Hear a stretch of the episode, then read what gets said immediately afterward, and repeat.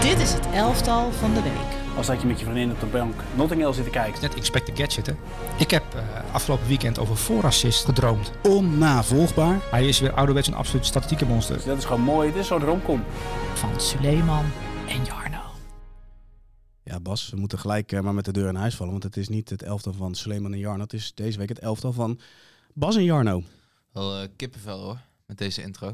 Ja, mooi hè. Je staat gelijk aan met zo'n leader. Dat is het hele punt. Ja, het is een beetje... eh, ja, je kunt het ook wel grotesk eh, noemen. Hè? Alsof je ja, een beetje zo'n Champions League opkomst. Alleen dan voor journalisten. Ja, maar zo moet je het ook wel benaderen, toch? Als jij als speler het veld op gaat, dan moet je gewoon met veel adrenaline op het veld. Je moet, je moet gelijk klaar ervoor zijn. Weet je, wel. pak in Nederland de Sparta-mars. Heel mooi. We hebben natuurlijk in. Spanje hebben we van Atletico, van Sevilla. Ja, Betis. Betis is geweldig. Ehm, nee, je hebt gelijk. Ik, eh, ik zit er meteen helemaal in. Nou, mooi. Hey Bas, ehm, we gaan het elftal... eh, we hebben een elftal, laat maar zeggen, van de spelers tot en met de kwartfinales. Tot de kwartfinale eigenlijk, Ja. want de kwartfinales komen er zo meteen aan. Die komen ook in deze podcast natuurlijk wel eh, aan bod. Ehm, we hebben wat gepingpongd over en weer, omdat we toch nog wel wat twijfels hadden. We hebben hier en daar wat gewisseld, systemen omgegooid om toch de juiste mensen op de juiste plek te krijgen.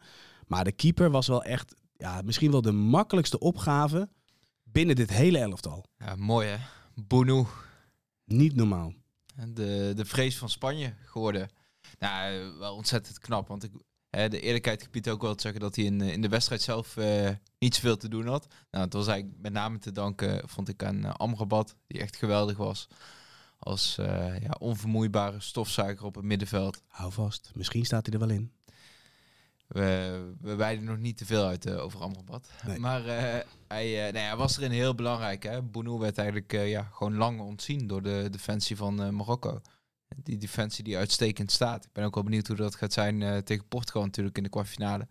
Ehm, maar ja, dan in de strafschopserie komt zijn moment om zich te onderscheiden. En het mooie is natuurlijk, hè, in de groepsfase stapt hij er op een gegeven moment nog uit als het volkslied klinkt. Omdat hij zich gewoon niet lekker voelt. Duizelig. Ja.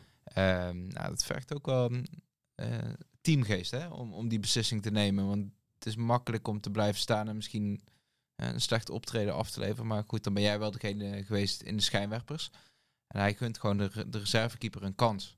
Stapt opzij, geeft het aan bij de bondscoach. Ja. En ehm nou, keer terug, weer helemaal fit. En dan eh, te- tegen Spanje is, ja, is het zijn moment. En hoe die die twee strafschoppen pakte, was, was wel echt heel goed. Ja, bij die anders zat hij ook dichtbij. Maar ehm, zijn het dan hele slechte strafschoppen? Of is het ook wel het hele theater, het hele spel wat hij doet? Want ik, ik hoorde iets voorbij komen. Je hebt, je hebt spelers die zijn horizontaal ingericht en verticaal Ja, ingericht. ja. En daar speelde hij op in. Maar hoe zit dat precies? Nou, het was bij de NOS natuurlijk ook een item, vorige week geloof ik. En eh, in de studio kwam ook niet helemaal door hoe het, eh, hoe het in elkaar zit. Maar volgens mij zit het zo dat je hebt spelers die, nou, bijvoorbeeld Thomas Müller, kun je wel zeggen is een verticale speler. Hè? Die zo- zoekt snel diepte, beweegt in de Ja. diepte, eh, is direct in zijn spel. Ehm, en als je dan veel horizontale bewegingen maakt, dus eh, wat voor hem eigenlijk tegen natuurlijk is als keeper zijnde, dan zou je hem daarmee eigenlijk uit zijn ritme slash concentratie eh, kunnen halen. Ja, maar wat is Busquets dan? Kijk, Müller is een duidelijk geval. Busquets neemt ook een penalty. Ja. Busquets heeft geweldige pases tussen de linies vooruit. Maar verdeelt voornamelijk het spel van links naar rechts. ja, Dus dan zou je zeggen dat het een... horizontale speler is. Ja, Klopt. Ja, nee, eh, ik denk als je bijvoorbeeld naar de, pa eh, de paasmap van een speler kijkt. Ehm Pedri, goed voorbeeld eh, tegen Marokko. Tegen Marokko was hij echt een horizontale eh, speler. Hè. Hij speelde op een gegeven moment eigenlijk een balbezit meer als een soort rechtsback. En dan afwisselend weer linksback. Maar Ja. hij, hij liet zich zo ver terugzakken eigenlijk om maar het spel vorm te kunnen geven. Alleen ja, er was gewoon geen opening te vinden eh, voor Spanje. En je zag ook dat er te weinig beweging was. Waardoor ze eigenlijk ehm, de defensie van Marokko wel ja, onvoldoende op de proef stelden. Eens. En als je dan kijkt wat, wat, wat Bounou daar tegenover stelt. Hè? Want eh, nou ja, horizontale speler, Sergio Busquets. Hij was heel druk aan het bewegen. Zat het dan in de bewegingen voorwaarts of zijwaarts? Is dat dan het verschil om iemand te ontregelen? Of is dat te simpel gedacht? Ja, weet ik niet. Dus het is altijd lastig om, eh, om een strafschop echt als eh, ja, bijna wetenschappelijk te ontleden. Oh, oh, oh. Van Gaal ziet het als Ja. exacte wetenschap. Wij hebben professor Tim, Tim Jansen, niet de oudspits van NEC overigens. Ja. Je moet het wel gaan benaderen als wetenschap. Zij doen het ook, dus wij moeten dat ook gaan proberen. ja, maar goed, de Spanjaarden benaderden het ook als wetenschap en dat ging ook mis. Kijk, Engeland, bij het vorige EK was geen land zo goed voorbereid op strafschoppen als Engeland. Ging ook mis. Ehm, dus het blijft altijd wel lastig te zeggen. Wat ik wel zie als Ja. kijker is dat hè, eh, het bereiken van die strafschoppen is voor Marokko een zegen. Terwijl Spanje er eigenlijk alles aan deed om een strafschoppenserie Ja. te voorkomen. Hè, om het kwaliteitsverschil eh, van tevoren al in uitdrukking te brengen. Ehm, en ik vond ook wel, moet ik zeggen, zeker bij die aanloop van Soler, daar zag je aarzeling, daar zag je twijfel. Dat, daar sprak geen overtuiging uit. En ik denk dat eh Bounou eh, daar ook wel van profiteerde. Plus Bounou is ook gewoon, hè, de Spanjaarden kennen hem natuurlijk goed Sevilla.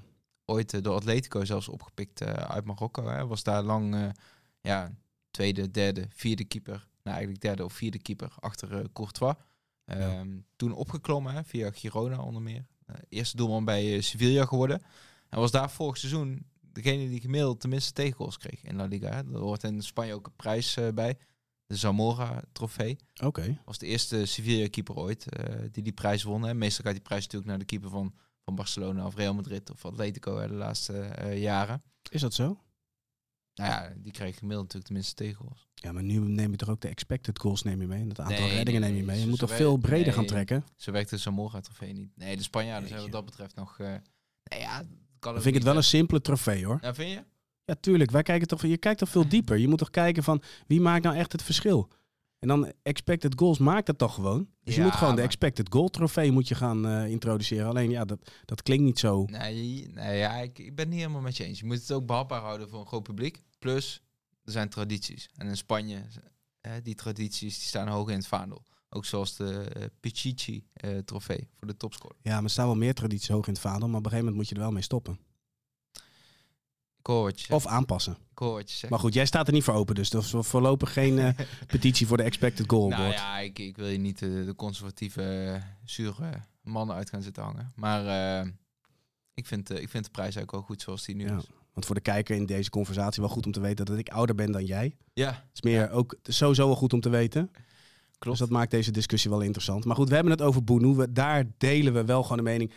Er komt maar één keeper. We hadden Noppert in eerste instantie in de voorselectie opgenomen. Ja. Maar ja, toen kwam die penalty-serie. En ja, weet je, dan is het klaar.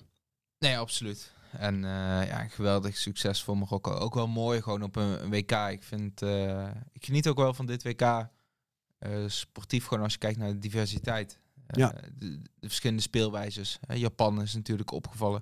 Maar daarom is het ook goed dat je niet alleen Europese toplanden hebt. Plus Argentinië en Zuid-Amerika in die kwartfinale. Maar juist ook Marokko. Dat, eh, de Arabische wereld daarmee ook vertegenwoordigd is. Helemaal eens, helemaal eens. En ik denk dat ze nog wel eens een ronde verder zou kunnen komen. Dat denk ik niet. Jij denkt van niet? Nee, dat verwacht ik echt niet. Ik, eh, ja, echt alle lof voor hoe ze het tot nu toe gepresteerd hebben. Ze kunnen een ploeg wel onschadelijk maken. Ja, maar je, je zag ook wel, eh, ook in de poolfase wel, dat ze het in de slotfase vaak fysiek wel lastig krijgen.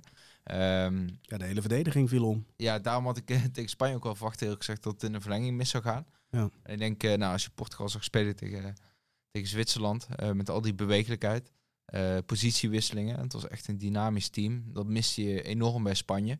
Dus ik denk eerlijk gezegd dat Portugal wel een weg vindt door die Marokkaanse defensie. En dat het dan in de slotfase wel eens hard kan gaan. Dat dan eh, eh, Ja. de kilometers in de benen echt gaan tellen. Ik hoop vooral voor eh, Marokko dat Enesiri kan blijven staan. Want de spits die erin kwam, die maakte het verschil niet. En die had het verschil wel degelijk kunnen maken. Ja, maar ik moet zeggen dat Enesiri maar ook nog wat tegenvalt. hè, Want vaak gewisseld nu. Ehm, grote jongen. eh, Spits van Sevilla. Ja. Verwacht ik wel meer van. Hij, hij is toch niet, zoals Ziyech dat is, zo bepalend. Hè? Of de vleugelverdedigers. Ik denk dat het nog gaat komen. Goed, we gaan door naar de eh, verdediging. Eh, we hebben voor drie verdedigers gekozen. We Ja. gaan aanvallend spelen. En aan de rechterkant kiezen wij voor Denzel Dumfries. Ja, na zo'n productieve wedstrijd tegen Amerika kunnen we ook daar niet omheen. Nee, ja, de druistige Dumfries eh, wordt de denderende Denzel. Hè? Hij, met zijn loopvermogen blijft hij natuurlijk maar komen. Alleen het is wel mooi de stappen die hij in, in balbezit heeft gezet. Ehm, twee keer met een lage voorzet natuurlijk eh, ja, enorm effectief. En dat is ook Ja. wel de trend die je ziet natuurlijk in de Europese top. Hè? Heel veel lage voorzetten. Ehm, en vaak belandt die voorzet eigenlijk bij de, bij de tweede linie. Hè? Je, je hebt de spits, of in ieder geval de bliksemafleiders eigenlijk, die die loopactie volle bak eh, richting eerste paal eh, maken. Of in ieder geval de diepte in. Ja. En daarachter, daar komt pas het echte gevaar. Hè? Zoals Messi natuurlijk vaak bij Barcelona gescoord heeft. Ehm zo had Dumfries nu ja, geweldig oog voor, eh, voor eerst Memphis, daarna voor eh, Blind. En hij, hij maakt het zelf ook nog af. Hè? Ja, wel bijzonder hè? hoe zo'n eh, hoe, hoe iemand zo snel en zo bepalend kan zijn in een systeem, in een elftal. Want het, het systeem, in die zin eh, is, is hij natuurlijk wel de ideale man aan die rechterkant. Terwijl over de linkerkant wordt nog wel eens gediscussieerd. Ehm, in Nederland nemen we inmiddels ook wel voor lief, toch? Dat hij soms wat eh, hardere voeten heeft. Ja, zeker. Ik, eh, ik denk dat het ook met zijn positie te maken heeft. Hè? Ehm, en met het systeem. Natuurlijk bij zijn club ook gewend om, eh, Ja. ja. om met min of meer deze speelwijze te spelen. Eh, het is natuurlijk anders als je... nou, bijvoorbeeld Hakimi. Hè? Die speelde bij Dortmund vaak samen met Sancho op een, op een flank. Ehm, daar kwam echt het korte combinatiespel bij kijken. En Dumfries speelt natuurlijk eigenlijk een hele grote ruimte. Ja. Dat is een uitstekende bezetting in de as. Hè? Hij, hij, hij moet dan de juiste keuze maken om, om de juiste medespeler te vinden. Maar hij heeft zelf, in zijn zone, heeft hij heel veel ruimte. Waardoor het minder aankomt op korte combinaties. En ik denk dat dat hem eh, goed ligt. Ja, ik kijk uit naar de confrontatie eh, met de Argentijnen. En, en ja, hij zal voornamelijk tegenover Papu Gomez terechtkomen, toch? En natuurlijk een van de backs die door gaan komen. Ja, zeker. Ik denk dat hij... ehm kijk, Papa Wordt Acuna of Tagliafico? Wat denk jij? Acuna. Ja? Normaal gesproken wel, ja. Scardoni heeft daar de laatste wedstrijden wel voor gekozen. Eh, ja, het wordt wel een interessant gevecht. Acuna is wel een, eh, een bijtertje. Echt een... eh, nou, als je een Argentijnse verdediger zou moeten uittekenen, dan teken je Acuna uit, hè. Eh, ja, echt een soort stier. zeker. Ja. bijna Als- geen, bijna Als je er één uittekent, hè, weet je aan wie ik dan direct moet denken? Walter Samuel. Ja, ja, ja. ja mooi hè. Ayala was ook al. Vro vroeger Ja. die Argentijnen vaak nog matjes. Hè? Pochettino natuurlijk ook in zijn tijd als, eh, als speler. Ja, nou, eigenlijk Argentijnen zonder matjes, dan ontbreekt er wel iets, ja. Ja, maar zeg, ik vind die shirts ook zo geweldig van die Argentijnen. Ja. Als, jij, als je één shirt zou moeten kiezen, een voetbalshirt, wat, wat je de rest van je leven zou moeten dragen, zeg maar. Eh, vergeet even het wassen. Je, je krijgt nooit meer andere kleren. Eén shirt. Dan kies ik toch Boca Juniors. Ja. Ja, dat vind ik, dat vind ik echt heel mooi. Ja, dat het mooi kleurt bij je ogen. Het staat wel op mijn kleurkaart. Ja, Ja? ja je, hebt, je hebt de kleurenkaart, wat bij je past er niet, weet je wel. Dat, eh Ja, ik kleuren zou- staan er wel, ja. Ik zou echt voor het shirt van Argentinië kiezen. Staat op jouw kleurenkaart? Ik denk het wel, ja. Denk het ook. Hey Dumfries, ehm, ja, geweldig gepresteerd. We hopen natuurlijk dat hij tegen de Argentijnen ook geweldig gaat doen. Dan gaan wij door naar de volgende verdediger. Die hebben we eerder ook al in het elftal gehad. Guardiol, de centrale verdediger van Leipzig. Ehm, ja, in, in mijn optiek, ik heb de vorige keer eigenlijk ook al gezegd, het is, het is een moordenaar met een mooi linkerbeen ook. Ja, nou, lijkt me een eh, mooie typering. Het valt, eh, valt dit WK ook wel op, vind ik. ehm, hoe ver de jonge spelers al zijn in hun ontwikkeling. En dat, eh, dat zie je bij hem ook. Hè. Je- als je bijvoorbeeld kijkt naar het vorige EK. De Chiellini en Bonucci die, die heel veel lof kregen door eigenlijk juist ook de slimmigheden. Dus Ja, ja. afwachten als het kan. Eh, pas ingrijpen als het echt nodig is. Eh, je ziet het bijvoorbeeld bij Peppe. eh, dit WK ook heel erg, vind ik. En Volgens Van der Vaart een hele lieve jongen. Hè? Peppe, ja. Ik kan me dat echt niet voorstellen. Ja, maar dat is echt zo. Dat, die verhalen kwamen bij Real Madrid ook altijd naar buiten. Ja. Hij echt verlegen. Hè? Hij vertelde zelf ook dat hij toen hij van Porto naar Madrid ging, dat hij in de voorbereiding gewoon eigenlijk geen woord gezegd heeft. Hij, hij, hij durfde gewoon niet, hè, ten opzichte van al die sterren. Op een gegeven moment dat hij, zat hij in het vliegtuig eh, achter Cannavaro. En Cannavaro, hij zag dat Cannavaro een, een tijdschrift aan het lezen was. Nou, misschien wel eh, de VI. Hij zag op een gegeven moment dat eh Cannavaro klaar was. en hij dacht, ja, toch even moed bij elkaar rapen en vragen of ik dat boekje mag hebben. Ze zegt, eh Cannavaro, Cannavaro. Die Cannavaro die draait om en die zegt, het is Fabio hè. En die draait weer om en die gaat zitten en blijft eigenlijk minutenlang stil. Omdat Peppe gewoon het gesprek geen vervolg durft te geven. Waarna, ja, waarop uh, Cannavaro op een gegeven moment eh, opstaat en een boekje toch maar bij hem eh, eh, neerlegt. Alleen hij heeft echt, en met zijn karakter, eh, eigenlijk een weg moeten vinden in die, in die harde topsport eh wereld. Wel mooi om te zien, want je, als je hem op het veld bezig ziet, kun je dat gewoon niet voorstellen. Sterker nog, dan zou je eerder denken dat Cannavaro bang is voor Peppe.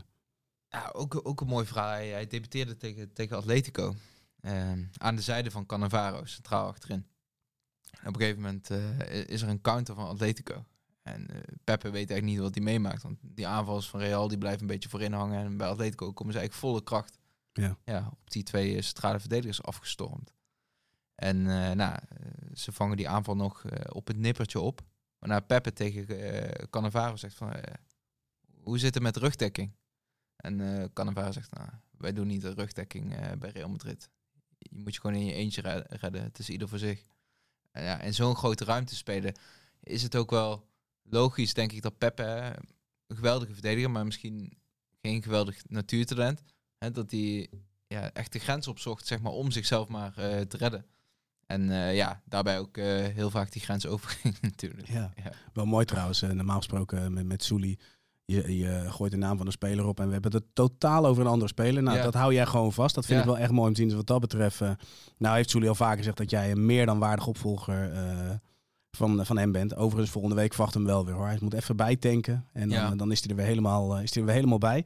Ehm, we hebben het natuurlijk over Guardiol. Ehm, ja, hoe, hoe belangrijk is hij nu al voor zijn land? Nou, ontzettend belangrijk. Eh, ja, het klinkt natuurlijk als een inkoppertje, maar hij, hij is wel ehm, nou, zeldzaam. Hè? Eh, het is zeldzaam om een, een jonge verdediger te vinden die, die alles heeft, die, die rust in zijn spel heeft, eh, aan de bal vaardig is. Ook nog een linkspoot natuurlijk, hè? dat maakt hem ook wel extra aantrekkelijk, denk ik, voor die Europese topclubs die allemaal achter Ja. hem aan zitten. Schap dat je dat zegt. 91 passes, 80, 88 procent komt ervan aan. Maar daarnaast ook gewoon vier belangrijke tackles. Die pakt hij allemaal. Ja, ja dat zijn nee, mooie cijfers. Dat hebben ze natuurlijk geweldig gezien bij, eh, bij Leipzig. Hè? Dat, die club die blinkt toch wel echt uit in, eh, in slim technisch beleid. Hè? Ook, ook deze jongen weer ontdekken. En dan eh, toch redelijk eh, snel speeltijd geven. Waardoor die stappen kan zetten in zijn ontwikkeling. Ook het huursysteem bij die club zit echt goed in elkaar. Ja. Dus ehm, ja, dit wordt weer flink cashje. Ja, mooi. Nou, we gaan door naar de laatste verdediger. Staat in ons elftal even op links. Maar goed, we moeten hem eigenlijk natuurlijk wel op rechts zetten. Want kunnen we stellen dat Hakimi de linkerkant van Spanje, de beste kant van Spanje, met, met Pedri, eh, Alba, eh, Olmo, ja, die heeft hij redelijk geëlimineerd. Ja, ik vind het echt een ongelofelijke speler, moet ik zeggen. Ik, eh, ik kan me nog herinneren dat ik hem voor het eerst zag. Toen speelde Ajax in de Youth League tegen Real Madrid. Ehm, en hij speelde eigenlijk... Nou, het was best wel lastig eigenlijk om een systeem te ontdekken bij, bij Real. Want Hakimi speelde gewoon in zijn eentje op de rechterflank. Hij was rechtsback, rechtsmid en rechtsbuiten in één. Met een ongekend eh, loopvermogen. Ehm, of was het tegen Monaco trouwens? Nou, het was in ieder geval in de Youth League een wedstrijd. Ja. Ehm, en ja, dat heeft hij nog steeds. Maar hij combineert het ook echt met, eh, met technische vaardigheden. Ontzettend, eh, ja, ontzettend vaardig aan de bal gewoon. En dat- daarom wordt hij natuurlijk ook zo gewaardeerd bij Paris Saint-Germain. Ja. het is ook een leuke persoonlijkheid. Goed, goed lachse jongen. Ehm, je ziet het ook wel, ook bij PSG. En bij Real zag je dat ook wel. Eh, ze gunnen het hem. Ehm, ligt goed in de groep. En eh, ja, ik denk dat het voor Ziyech eerlijk gezegd echt een genot is om met zo'n jongen achter je te spelen. Ja, denk ik ook. Hoe denken ze er in Spanje over? Want hij is opgegroeid in Madrid. Ja. Neemt een penalty. De beslissende. Ja. Panenka. Niet de beste Panenka. Maar goed, het is een Panenka. Ja, dat vergt wel eh, ballen, hè, om het zo te doen. Zeker. Cojones. Nee, echt, eh, echt wel geweldig. Ja. En opgegroeid in Madrid, zoals je eh, goed zegt. Natuurlijk eh, voor Real ook wel pijnlijk. Hè? Een jongen uit de eigen opleiding. Volgens mij ook nog ontzettend goed bevriend met, met de zoons van Zidane. Hij kwam eigenlijk tegelijk met die jongens Oh, oké. op vanuit de opleiding. Alleen ja, Zidane woog hem en bevond hem op een gegeven moment toch te licht nog voor het eerste elftal. Ehm, en ja, daarna eigenlijk uit de handen laten glippen. Hè? Bij Real sowieso natuurlijk. Als je eh, Theo Hernandez bij, eh, bij Frankrijk ziet Zeker, ja. spelen. En als je nu zou moeten kiezen tussen Carvajal en Hakimi. Ja. is geen lastige keus. Nee, klopt. Alleen het lastige bij Real is natuurlijk wel dat je heel weinig ruimte hebt eigenlijk om toe te groeien naar dat niveau. Hè. Je moet er eigenlijk al staan. Dat was bij Theo Hernandez natuurlijk ook het probleem. Ja. Die veel te, te onrustig was toen die, toen die in Santiago Bernabeu belandde. Ja, je moet, het ook maar, je moet er ook maar mee om kunnen gaan. Toch? Dat is Ja. het toch ook? Ehm, we hebben de verdediging gehad, eh, Bas. Gaan we door naar de middenvelders. Ja, vond ik lastig, moet ik zeggen. Omdat ik echt veel eh, kandidaten zag. Ja, we hadden daar even wat, wat contact over. Nou, Amrabat, daar kwamen we al vrij snel uit dat dat een, een moedje is. Eh, Casemiro is, is ook een, een moedje. Maar laten we eens beginnen met Phil Foden. Hij staat bij ons op het middenveld. Wat voor indruk maakt hij tot dusver op jou? Ehm, onbekommerd, vooral. In de groepsfase was het zo dat... je zag eigenlijk hetzelfde gebeuren als bij het vorige EK. Dat, eh, eh, toen ging het om Grealish, nu ging het om, om Foden. Het Engelse volk riep eigenlijk om eh, meer creativiteit. En meer zelfvertrouwen aan de bal. Ehm, en dat, ja, Southgate is al- als trainer vrij voorzichtig. En dat was hij bij, bij het EK ook al. Toen, als Grealish ging warmlopen, dan hoorde je echt het publiek opveren. En nu werd er gevraagd om Foden. Ja. u- uiteindelijk ging, eh, ging Southgate natuurlijk toch overstag. Eh liet hem al spelen in de laatste groepswedstrijd tegen Wales. Deed het toen goed. En nu was natuurlijk die sit- situatie met Sterling, die eh, trieste situatie. Die misschien de keuze op de flank wel iets makkelijker eh, heeft gemaakt. Eh, ja, Foden is een, speler die, die zo waanzinnig compleet is eh, in zijn spel. En dat vond ik ook mooi om te zien eh, eh, bij Bellingham. Die jongens die hebben echt een directheid in hun spel zitten. En een directheid eigenlijk ook die je wel bij Spanje mist. Ehm, Ja. Gewoon de bal aannemen, opendraaien. En een volle vaart op twee, drie tegenstanders afdribbelen. Eens. Dat- Bellingham wil ik straks trouwens even uitgebreid met jou bespreken. Maar dat, dat wil ik met een hele ja, belangrijke vraag aan het begin. En wil ik die eh, speler introduceren. Ehm, Foden speelt aan de linkerkant bij Engeland. Eh, ook een positie, want, want we hebben natuurlijk bij die eerste wedstrijd ook gezien. Dan kan Southgate ineens alle drie de aanvallers wisselen en, en drie hele nieuwe aanvallers erin eh, zetten. Ehm, bij Foden is nog wel eens dat, dat de wisselvalligheid is wel eens een, een dingetje in zijn, in zijn loopbaan geweest. Verwacht jij dat het bij het WK dat het gewoon één lijn is en dat hij gewoon blijft spelen? Blijft starten in ieder geval? Die ene wedstrijd wel, ja. Ja, dat is natuurlijk een beetje het ding. Hè. Mhm. Gaan ze door tegen Frankrijk. Ehm, bij Guardiola zag je dat die Foden... Hij vond het vooral belangrijk en links of rechts maakte er niet eens zo heel veel uit om op de flank te gebruiken. Ja. Kunt je vast nog wel die geweldige goal herinneren van Foden uit tegen Liverpool. Daar kwam die vanaf rechts, vanuit een moeilijke hoek. Eh, schoot hem geweldig binnen. Ehm, maar Guardiola vertelde ook in die tijd wel dat dat belangrijk was dat hij nog niet de rijpheid had in zijn spel om in de as te spelen. Die, eh, vanaf de flank is er toch iets minder verantwoordelijkheid. Is de situatie vaak iets overzichtelijker. Hè? Want aan, aan de ene kant word je eigenlijk ja, gedekt door de zijlijn. Eh, het gevaar komt niet eh, van alle kanten.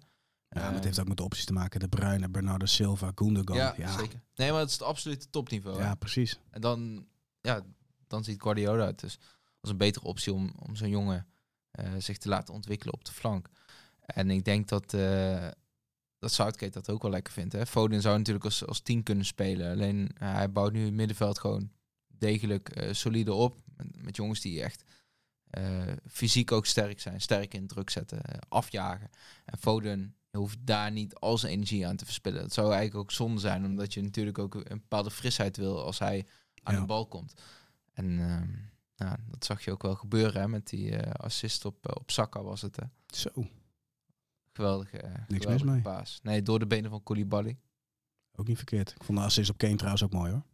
Ja, nee, absoluut. Doet hij natuurlijk. Nou, daarin zag je die directheid in het spel van de Engelsen. Met. Bellingham die, eh, die eigenlijk eh, de linie doorbreekt. Foden zoekt. Foden die direct doorspeelt. Oké, nou, dan gaat het sneller. En dat ging ook gewoon te snel. Ja, we blijven nu gelijk bij Bellingham, want die staat ook bij ons op het middenveld. Ik wil aan jou voorleggen. Ik vind Jude Bellingham de beste middenvelder op dit WK. Ik vind Jude Bellingham, Bellingham het dichtst komen bij Kevin de Bruyne. En misschien is hij in potentie wel uit het, ja, om binnen nu en twee jaar de beste middenvelder ter wereld. Deel je die mening? Ik heb geen completere middenvelder gezien dit WK dan Bellingham. Nee, ik ben het wel met je eens. Het is, eh, het is waanzinnig. Komt Ehm, in de 16, verdedigt terug, is aanspeelbaar, wint duels, zijn passing. Eh, de assist, nou ja, het had een assist moeten zijn als Scholl niet zo ongelukkig uitkwam met zijn passen. Maar de timing van die paas ook, het overzicht dat hij heeft, timing van passing, snelheid van passing, duels, wat we wel al eerder zei, in de 16 komen. Ja, ik zou niet weten, wat, wat heeft hij niet? Nee, en dat, dat is natuurlijk precies wat alle scouts van de Engelse topclubs ook zagen. Hè? Toen ze hem eh, aan het werk zagen als jeugdspeler eh, bij Birmingham eh, City. Ehm kreeg een rondleiding bij Manchester United. Hè? Werd uitgenodigd om langs te komen bij Chelsea. Ja. City zat achter hem aan. Arsenal. Kon overal voor kiezen. Alleen het tekent ook wel een bepaalde eigenzinnigheid. ehm, dat hij dan voor Dortmund gaat. Hè? Eigenlijk in het Ja. spoor van Jadon Sancho kiest hij eh, voor speeltijd. En dat is zo'n ja, waanzinnig slimme keuze geweest. Want daardoor heeft hij ja, zo'n grote stappen al kunnen zetten in zijn ontwikkeling. Werd natuurlijk snel Engels international. Draagt bij Dortmund ook al een bepaalde verantwoordelijkheid. Hij is daar gewoon een van de leiders. Ehm, je kunt je denk vorig seizoen nog wel herinneren, die wedstrijd tegen Bayern. Hè, dat hij zich ook uitsprak over de scheidsrechter. Was misschien niet al te slim. Hè? Eh, Hij zei van ja, wat verwacht, wel karakter. wat verwacht je anders van deze scheids? Hè? Een scheids die eerder in verband was gebracht met eh, ja, eh, niet zo'n zuiver spel. Ja, maar hij is niet bang om wat te zeggen. Nee, precies. Dat is het. Hij is voor, voor zijn leeftijd eigenlijk al zo ver. En dat niet, niet bang zijn, dat, dat straalt ook af van zijn spel. Ja, en dit is, dit is de jongen die je wilt hebben als, als Engelse topclub zijn er nu. Nou, iedere topclub.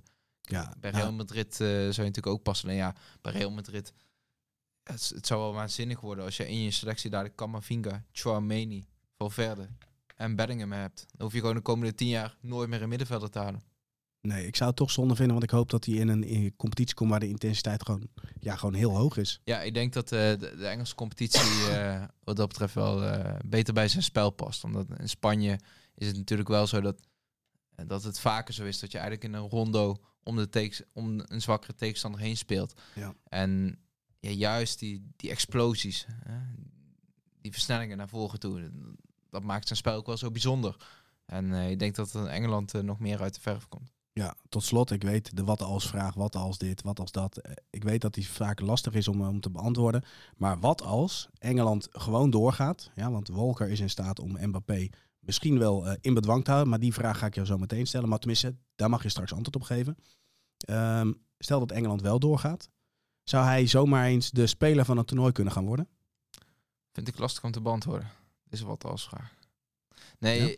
ik, ja, ik denk het wel bij Engeland. Eh, omdat je, Hij is de man daar het toch? zijn de jonkies die het team wel echt kleur geven. Hè? Kane is natuurlijk heel belangrijk in zijn rol eigenlijk als een soort ehm 9,5. Hè? Het zit een beetje tussen een 9 en een 10 in. Ehm, ook belangrijk met assist, laat zich slim uitzakken. Alleen ja, als spits, hè, om, om de man van het toernooi te worden, heb je toch meer goals nodig, denk ik, in de, in de beeldvorming. Ehm, dus ja, het zou wel kunnen. Maar ik denk niet dat hij het wordt, omdat ja, hou Mbappé maar eens in bedwang. Oké, nou leuk. Spannend. Eh, We gaan eh, Ja. Ehm, achter deze twee creatieve jongens moeten we natuurlijk ook wat controleurs neerzetten. We hebben Casemiro en Amrabat. Nou, die kunnen wel op de winkel passen. Laten we eens beginnen met eh, Casemiro. Daar heb jij voor gekozen. Ehm, ja, doet gewoon zijn ding bij Brazilië. En doet zijn ding gewoon altijd goed. Ja, wat ik mooi vond bij, bij Casemiro is ook wel... ehm, toen hij natuurlijk vertrok van Real Madrid naar Manchester United... hij was eigenlijk een heel chic vertrek. Hij vroeg bij de Real-leiding natuurlijk om... Ja, eigenlijk om medewerking, omdat hij gewoon toe was aan, eh, aan een andere uitdaging, een nieuwe prikkel. Nou, bij eh, United was natuurlijk wel werk aan de winkel, maar die afscheidsbrieven die Kroos en Modric toen schreven en publiceerden in, volgens mij was het Marca, misschien was het As, in ieder geval in een van de Madrileense sportkranten. Sprak zoveel waardering uit, maar ook het, het wat zij boden eigenlijk in de professionaliteit van, eh van Casemiro. Ja, hij maakt hun leven wel heel makkelijk. En volgens mij was Modric ook die, die schreef van ja, ik, ik ga het missen hoe jij telkens maar weer met een lach wel iedereen motiveerde op de training. Hè? Om, om nog maar weer eh, extra buikspieroefeningen te doen. Hè? Om met de gewichten de sauna in te gaan. Om nog maar weer eens extra eh, te trainen. Het is zo'n ultieme prof, gedisciplineerd. Ook voor een speler, als je voor zijn type, iemand die heel weinig kaarten pakt. natuurlijk slim, net de grens opzoeken, er niet overheen gaan. Ehm, ook een speler die Real Madrid wel echt nodig had. Hè. Zidane zag dat natuurlijk. Eh, die, die had zelf Makelele gehad, vaak achter zich. Ja. Eh, en dit is een jongen die je nodig hebt om, om de sterren te laten excelleren. Eh, dat zie je bij Brazilië nu ook. Er zit zoveel creativiteit in het elftal. Zoveel aanvallende impulsen. Ja, dan is Casemiro degene die het allemaal verbindt. Ja, eens. Al moesten, al moesten ze wel eventjes wennen aan de, de, ja, de Diarra's, de Casemiro's. Want Real Madrid was op die positie een Redondo gewend. Ja, ja. Ehm, ik, zit, ik zit eraan te Volgens mij was het Zidane die, eh, die ook boos ehm, naar de Real-leiding stapte toen ze Makelele heeft verkocht aan, aan Chelsea was het. Die, eh, die zei van ja, je, je kunt de auto wel weer een nieuw lakje verf geven. Hè? De- het uiterlijk vertoon. Alleen het motorblok is weg met Makelele. Mooi hoor, dit. Ja, vind je? Ja, dit vind ik echt mooi. Ja. Zullen we dan gaan naar een Amrabat gaan? Want ehm, ja, kijk, hij maakt een overstap naar het buitenland, maakt daar veel indruk. Eh, maar als ik, als ik het dan tegen Spanje zie, hoe die aan het werk is, duels aan het winnen is, aan het dribbelen is, dat ook nog. Eh, hij leidt bijna geen balverlies. En dan vond ik wel naar ehm, ja, een wedstrijd keihard werken. Er zit een minuut 95. Hij, eh, op eigen helft komt hij los van zijn tegenstander à la Frenkie de Jong in een best wel ge- eh, ja, risicovol gebied eh, voor de Marokkaan op dat moment. Want als hij hem daar verliest, dan nou, hebben we een open situatie. En hij speelt naar dus ingevallen spits El Chibiri, is dat? Ja, je, je hebt het goed. Ja. Ja, ik vond het moment, ja, het is jammer dat, dat, de spits, dat die spits het niet afmaakt. Ik vond het moment zo mooi en van zoveel klasse getuigen. Alles zat erin. Het was net bij het spel, toch? Die situatie? Nee, dat was eh, het moment daarvoor. Ah, oké, oké. Ja. Maar alles, Ja, weet je, nee, alles zit daarin bij hem. Ik vind, ik vind hem ook wel... ehm, het levend bewijs eigenlijk dat voetbal... Hè, hoeveel wetenschap er ook voor het bij komt kijken. Dat in zekere zin eh, lekker onvoorspelbaar blijft. Ook Ja. als je naar de helden van dit eh, WK kijkt. Hè, nou, we hebben het al over Dumfries gehad. Nou, hoe lang duurde het niet hè, voor, voordat, voordat hij is, werd erkend als topspeler? Of voordat er een topspeler in hem gezien werd? Hè? Als je hem specifieke taken geeft, goed benut op zijn kwaliteiten, hè, dan, dan kan hij gewoon prima mee in de top. Nou, Amrabat past wel in diezelfde categorie. Hè, wat te denken van Giroud bij Frankrijk. Ook een echte laadbloeier. Hè. Zelfs bij, eh, bij Arsenal werd hij op een gegeven moment nog niet op waarde geschat. En die verlengt zijn carrière gewoon door maar telkens te zorgen dat de organisatie om hem heen klopt. Zodat hij er eigenlijk zo goed mogelijk komt uit te zien. Dat hij eh, wordt, benut, wordt benut op zijn kwaliteiten. En Maar er zit toch heel veel werk en investering aan de voorkant in. Want het is niet zomaar de tand destijds eh, zijn werk laten doen. Nee, nee, absoluut. En dat vind ik juist zo mooi. Het zijn vaak de, de jongens die op karakter uiteindelijk boven komen drijven, drijven laat maar zeggen. En ver boven zichzelf uitstijgen. En ook de Tenminste juiste, van wat wij verwachten, hè? en ook de juiste keuze maken natuurlijk voor een club. Hè. En ik denk, ik denk wel dat Amrabat die jaren in de Serie A, die hebben hem eh, niet alleen sterker gemaakt, maar ook slimmer. Eh, het kunnen herkennen van gevaar. Serie A is natuurlijk wel... eh, het is echt attractiever geworden, maar op het middenveld blijft het natuurlijk schaken. En zeker als je bij eh, Fiorentina speelt, dan ben je natuurlijk ook eh, in behoorlijk wat wedstrijden de onderliggende partij. Ja. Eh, het afstoppen van, eh, van Inter, van Napoli, van Milan, hè, dat vergt natuurlijk wel wat eh, van je als speler. En eh, ja, bij Marokko zie je ook ja, eigenlijk dit team eh, speelt natuurlijk in de groepsfase tegen Kroatië en België. eh, op papier misschien wel voetbal een betere ploegen. Eh, Spanje is dat zeker. Ja. Maar de, je vastbijten in zo'n tegenstander, het herkennen van gevaar. Dat, eh, ja, dat doet hij echt fenomenaal, dit toernooi. En ik, ik denk dat hij een hele mooie transfer gaat overhouden aan, aan dit WK. Is het niet in de winter, dan is het in de zomer. Welke competitie hoop jij? Ehm, ja, het is lastig. Omdat ehm, ik zou Spanje kunnen zeggen. Alleen, ja, bij Atletico heb je al veel van dit soort types. Mhm. Ehm, ik denk dat de clubs daaronder eh, lastig aan hun geld komen. Eh, ja, om dan zo'n WK-revelatie op te pikken. Eh, dus ja, dan denk je toch wel snel aan Engeland. Ja. Waar je natuurlijk ook wel veel van dit soort jongens hebt rondlopen. Hè? En Didi, die goed is. Ja, ja, absoluut. Onana, hè, die het heel goed doet bij Everton. Ja. Hey Bas, iets, iets heel anders, hè? Heb jij tijdens het WK al één minuut gemist? Ik kan me dat niet Wat voorstellen. trouwens, eh, mag ik nog e- over Amrabat? Tuurlijk. Schiet minuten binnen. Ik denk Tottenham. Conte. Conte wilde hem al heel graag halen toen hij daar aan de slag ging. Hij heeft op een gegeven moment met Bentancur en Heuberg eh, eigenlijk zijn duo op het middenveld eh, gecreëerd. Ja. Maar ze zaten achter Amrabat aan ook. Nou, uite- uiteindelijk kwam Bentancur omdat ze toen hè, via de oude contacten bij Juventus hem eh, makkelijker binnen konden hengelen. Alleen Conte is ook een, trainer die echt hamert op concurrentie eh, binnen zijn eh, selectie. Ja. Misschien is dit wel het moment om, eh, om nog eens toe te slaan. Mooi club, man. Absoluut. Zo.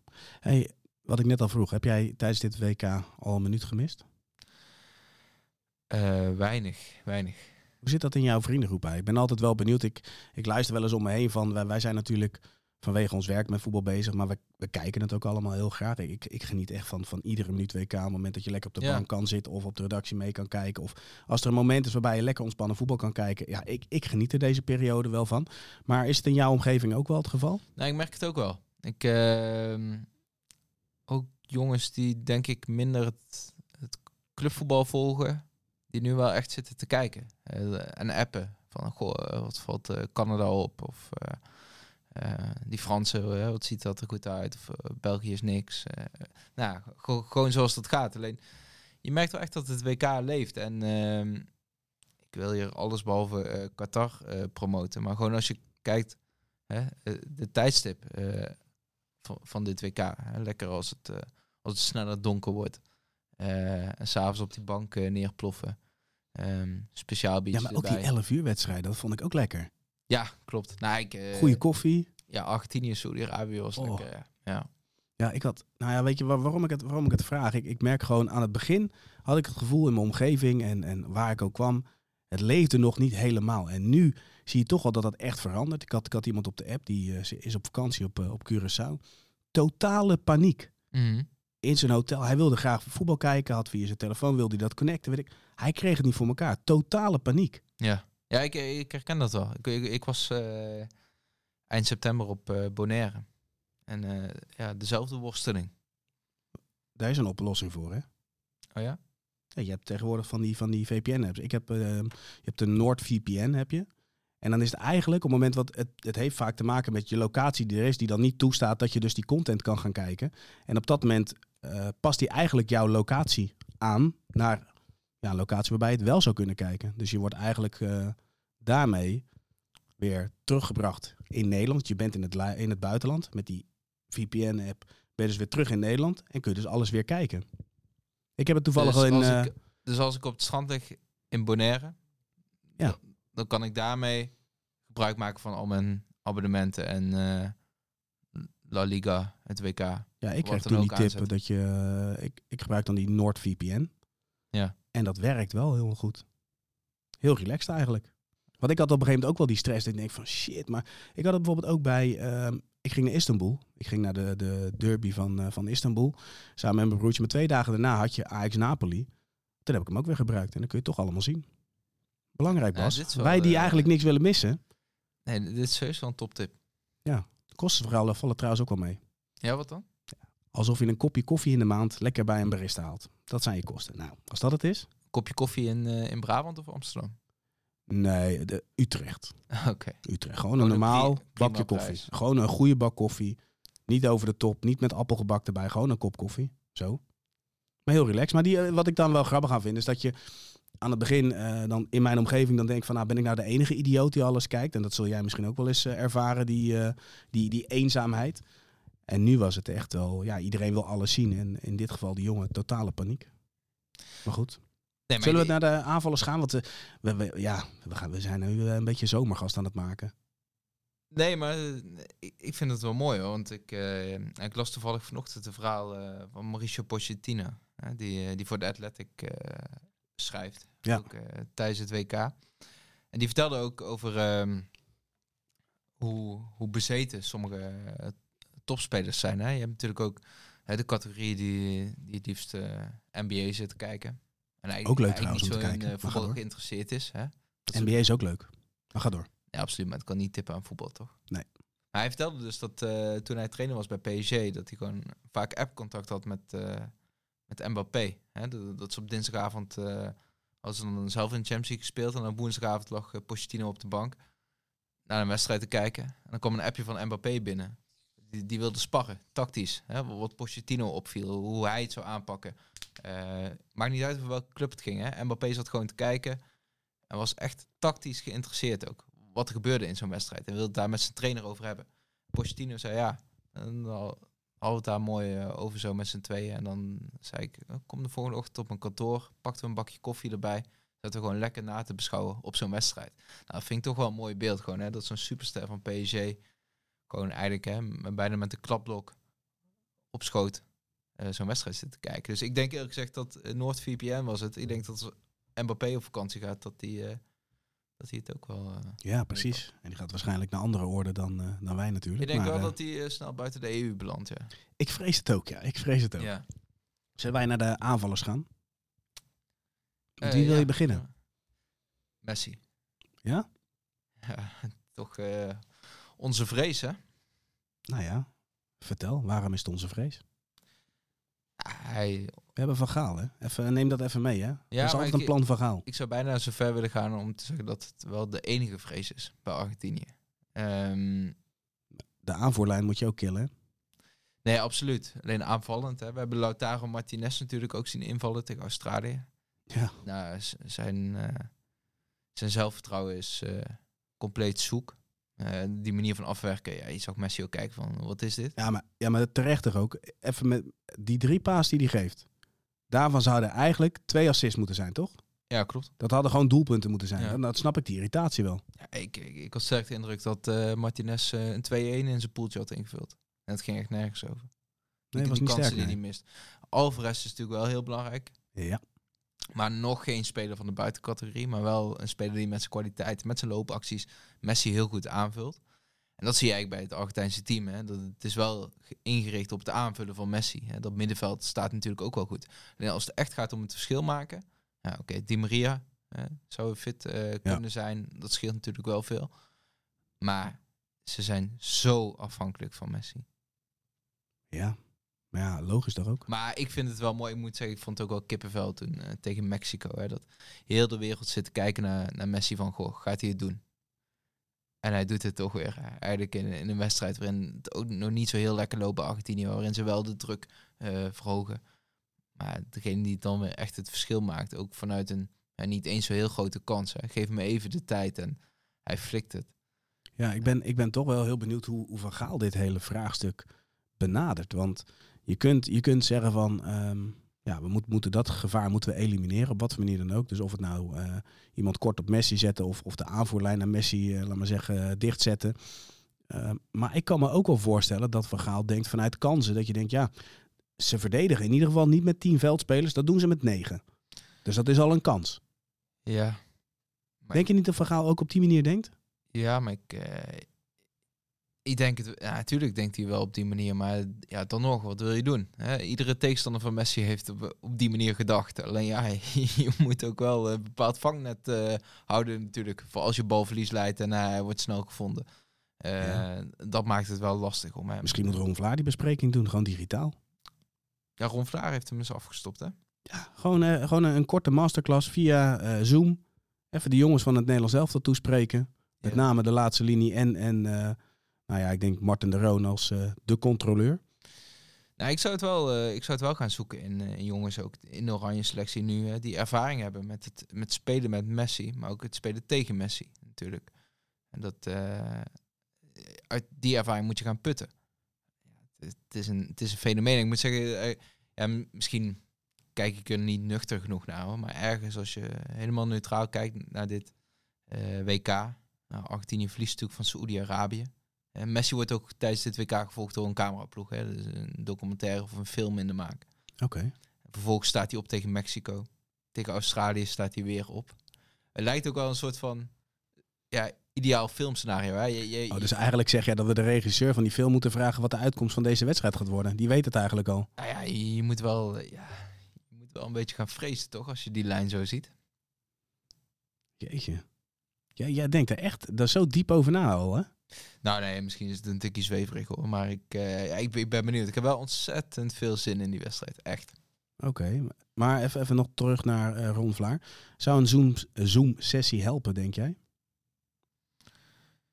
Ja, ik weet niet. Ik denk niet, ook gezegd, dat je ook die, die spelers moet overladen met eh, een Zoom-sessie met oranje verdedigers, bedoel je dan? Of?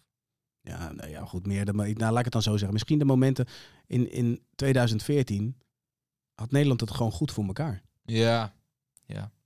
Oh, eh, Bas is niet onder de indruk?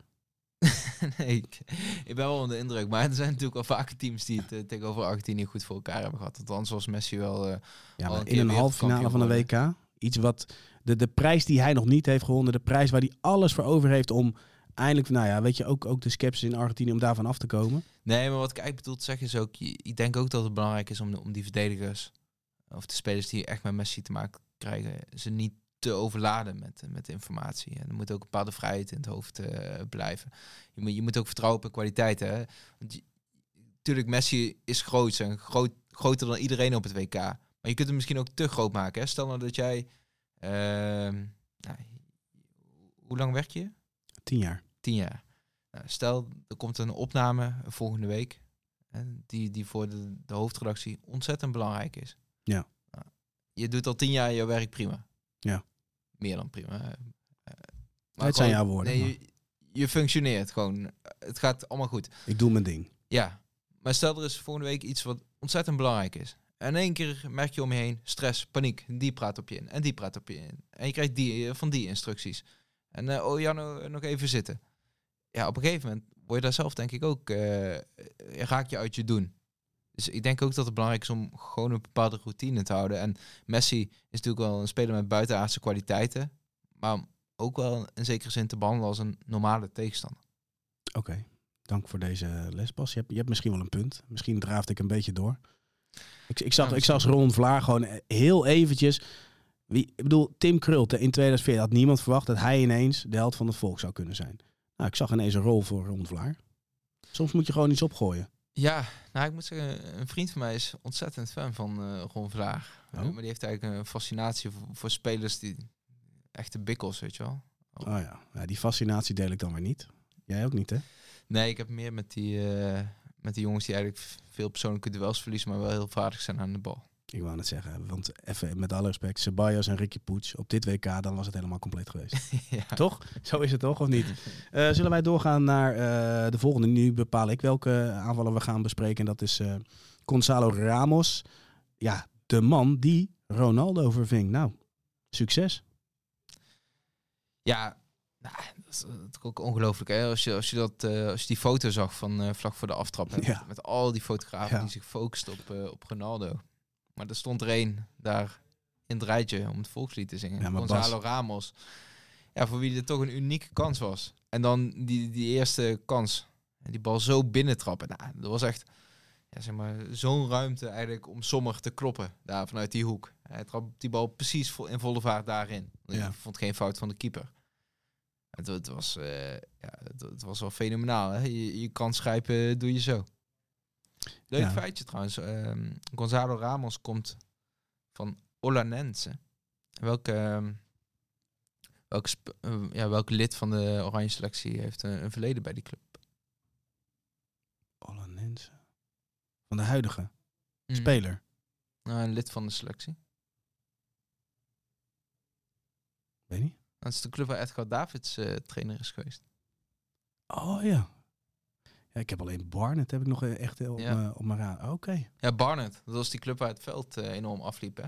Ja. Kon, kon je bij de TOS kiezen of je bergop of eh, bergaf eh, wilde spelen in de eerste helft. Dat was hij samen met Schreuder toch, of niet? Met Schreuder? Dick Schreuder, Oh ja, weet ik niet. Nee. dacht ik. Oh.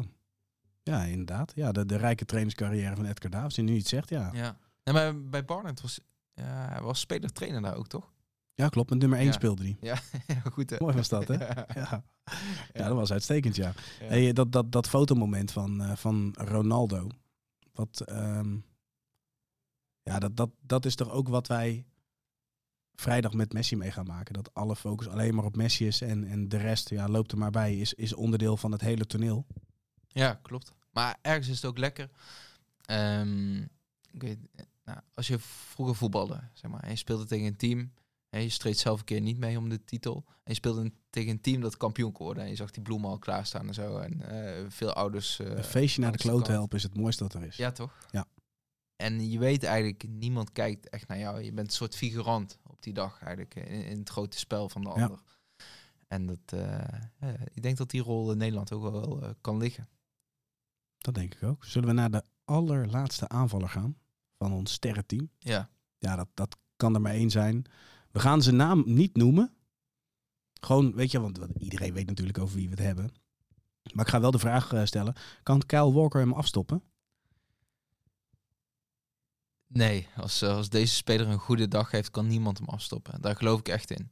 En als deze speler op deze voet doorgaat, dan wordt hij de beste speler van het toernooi. Het is de beste speler van het toernooi. Het is alleen de vraag of Frankrijk eh, als geheel hem bij kan benen. Ja. Ik denk het wel. Het ziet er tot nu toe heel goed uit. En eh, ja, de manier waarop hij scoort, de manier waarop hij versnelt. Allebei mooi, hè? Welke wedstrijd was dat nou? Dat hij. ehm, even denken, het was in de groepsfase. Dat eh, op een gegeven moment zag je, dat was een mooi shot. Hij, hij kreeg de bal niet. Mhm. Maar de tegenstander anticipeerde erop dat hij de bal wel kreeg. En je, je zag hem.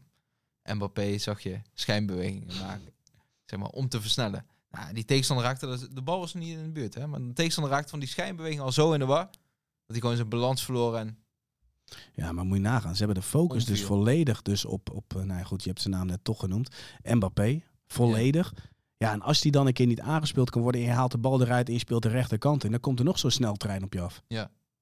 Die bij het aangaan van de actie eigenlijk nog niet weet waar die actie gaat eindigen. Nee, maar het maakt hem Kan zomaar de bovenhoek zijn. des te onvoorspelbaarder, hè? Ja, kan de bovenhoek zijn of een... eh, ja, Die niet weet of die links of rechts is. nee. Nee, dat is ook inderdaad... Dat is nogal wat, hè? ja. Maar die, dat, dat is wel gelijk waarom, waarom zij de topfavoriet zijn, toch? Ze hebben het achterin uitstekend voor elkaar. Ze hebben een goed eh, dynamisch middenveld. En ze hebben flankspelers ja, die Ja. niet af te stoppen zijn. Die Koundé legt natuurlijk iedere directe tegenstander aan de ketting. Ja, ja en ik vind Oepa Meccano vind ik de beste verdediger van dit toernooi, hoor. Ja, zeker, zeker. En eh, ik moet zeggen, ik ben eigenlijk nog meest verrast bij de Fransen door het middenveld. Omdat ik dacht van, oké, dat, dat wordt misschien wel een probleem met Chouameni is natuurlijk uitstekend, maar die positie daarnaast, nou, ik moet zeggen, Rabiot doet het echt uitstekend. Absoluut. En Griezmann in, in de rol van nummer 10, ja, dat is ook fenomenaal. Hoe hij zich ook wel wegcijfert voor het team. hè. Ik dacht er van de week nog over na, dat hij, hij kwam gewoon als een, ja, als een eh, getrukte buitenspeler, brak hij eh, door bij Real Sociedad. Ja. Eh, en daarna ik bij Atletico omgevormd tot de ideale teamspeler. Wel, eh, met ja, gewoon technisch subliem. Maar ook zoveel vuil werk opknappen. Loopjes doen voor anderen. Ehm, en Giroud, andere categorie. Hij heeft wel een beetje hetzelfde hè, met die dienstbaarheid. De aanspeelpunt zijn. Ehm, ja, wat dat betreft is de, de omgeving voor Mbappé eh, ziet er ook heel goed uit. Ja, we praten denk ik met Engeland. Frankrijk is wel de meest in het oog springende wedstrijd in de kwartfinale natuurlijk. Zaterdagavond, hè, 8 uur. Zaterdagavond 8 uur. Eh, Ja. Heb je Gaat Frankrijk gewoon winnen of wordt het een zware wedstrijd? Ja, ik denk niet dat ze gewoon gaan winnen. Ik denk echt dat het een geweldige wedstrijd wordt. Eerlijk gezegd. Met een eh, verschroeiend eh, tempo. Steve Holland, de assistent van Gerrit Southgate, die vertelde dat, dat de Engelsen achter de schermen al twee jaar bezig zijn met een plan Mbappé om hem af te stoppen. Nou, volgens geruchten in de Engelse kranten zou het dan zijn, zou het ermee te maken hebben dat ze eigenlijk een aanvallende speler op hem zetten. Om hem eigenlijk ook een soort van vast te pinnen als de Engelsen de bal hebben. Of in ieder geval eh, ehm, te kunnen profiteren van de ruimte die hij misschien laat liggen door niet eh, mee te verdedigen. Maar wacht even, is dat dan Trippier die gaat spelen? Nou, ik weet niet, misschien iets explosiever. Maar van, van de backs is Walker toch de enige die kans maakt. eh, Verdedigend ja, gezien, hè? Nee, nee, helemaal eens. Nou, ik denk ook gezegd dat ze eh, misschien gaan switchen naar een systeem met ehm, eh, drie centrale verdedigers. Dat eh, Walker de rechter centrale is in dat Ja. systeem. Stones en Maguire daarnaast. En dan een eh rechtervleugelverdediger waarmee ze eigenlijk die ruimte in de rug van, van Mbappé kunnen gaan bespelen. Ja. Ehm, ze hebben natuurlijk met Trippier en Alexander Arnold wel twee rechtsbacks in de selectie die ook echt heel vaardig zijn aan de bal en belangrijk zijn in het creëren van kansen. Ja. Dus ik, misschien dat ze met dat systeem komen. Alleen dat brengt wel ook weer risico met zich mee, omdat ja, Engeland doet het eigenlijk tot nu toe ook zo goed in die 4-3-3. hè, met, Ja. eh, ja, we hebben het over Foden en over Bellingham gehad. Eh, ja, je zult dan toch ook weer concessies moeten doen aan die aanvallende speelstijl. Eh, dus ik ben benieuwd. Het wordt, ja, wordt super interessant. Ik denk, ja, ik hoop dat Engeland eerlijk gezegd gewoon 4-3 gaat spelen. Omdat ik denk dat het de wedstrijd wel ten goede komt. Dat je gewoon Ja, een dat open ik ja. wedstrijd krijgt. Alleen ik denk wel dat ze dan eh, aangaan. Ja, toch, voor mijn gevoel is, is Walker de enige rechtsback nog waarvan ik denk van, nou, die maakt echt wel kans. Ja, omdat hij zo super snel is. Ja, sterk, intimiderend. Hij zit er vaak kort op. Ja. Ik kan me niet voorstellen dat, ehm, nou, ook, ook Militao niet bij Brazilië. Daar geloof ik niet in. Jij wel? Nee, maar ja, om eerlijk te zijn, ik geloof eigenlijk in geen enkele verdediger als Mbappé een goede doen is. We hadden ook nog eh, onze Denzel, hè? ja. ja. Nou, laten we, laten we ons eerst maar eens even focussen op het afstoppen van eh, Messi. Ja. Oké, top. Hey Bas, hartstikke bedankt eh, voor jouw bijdrage in, in deze podcast. We sluiten zoals elke week af met ja, de showleader. Komt ie aan? Dit is het elftal van de week. Als dat je met je vriendin op de bank Notting Hill zit te kijken. Net Inspector Gadget, hè. Ik heb eh, afgelopen weekend over voorassist gedroomd. Onnavolgbaar. Hij is weer ouderwets een absoluut statistieke monster. Dus dat is gewoon mooi. Dit is zo'n romcom. Van Suleiman en Jarno.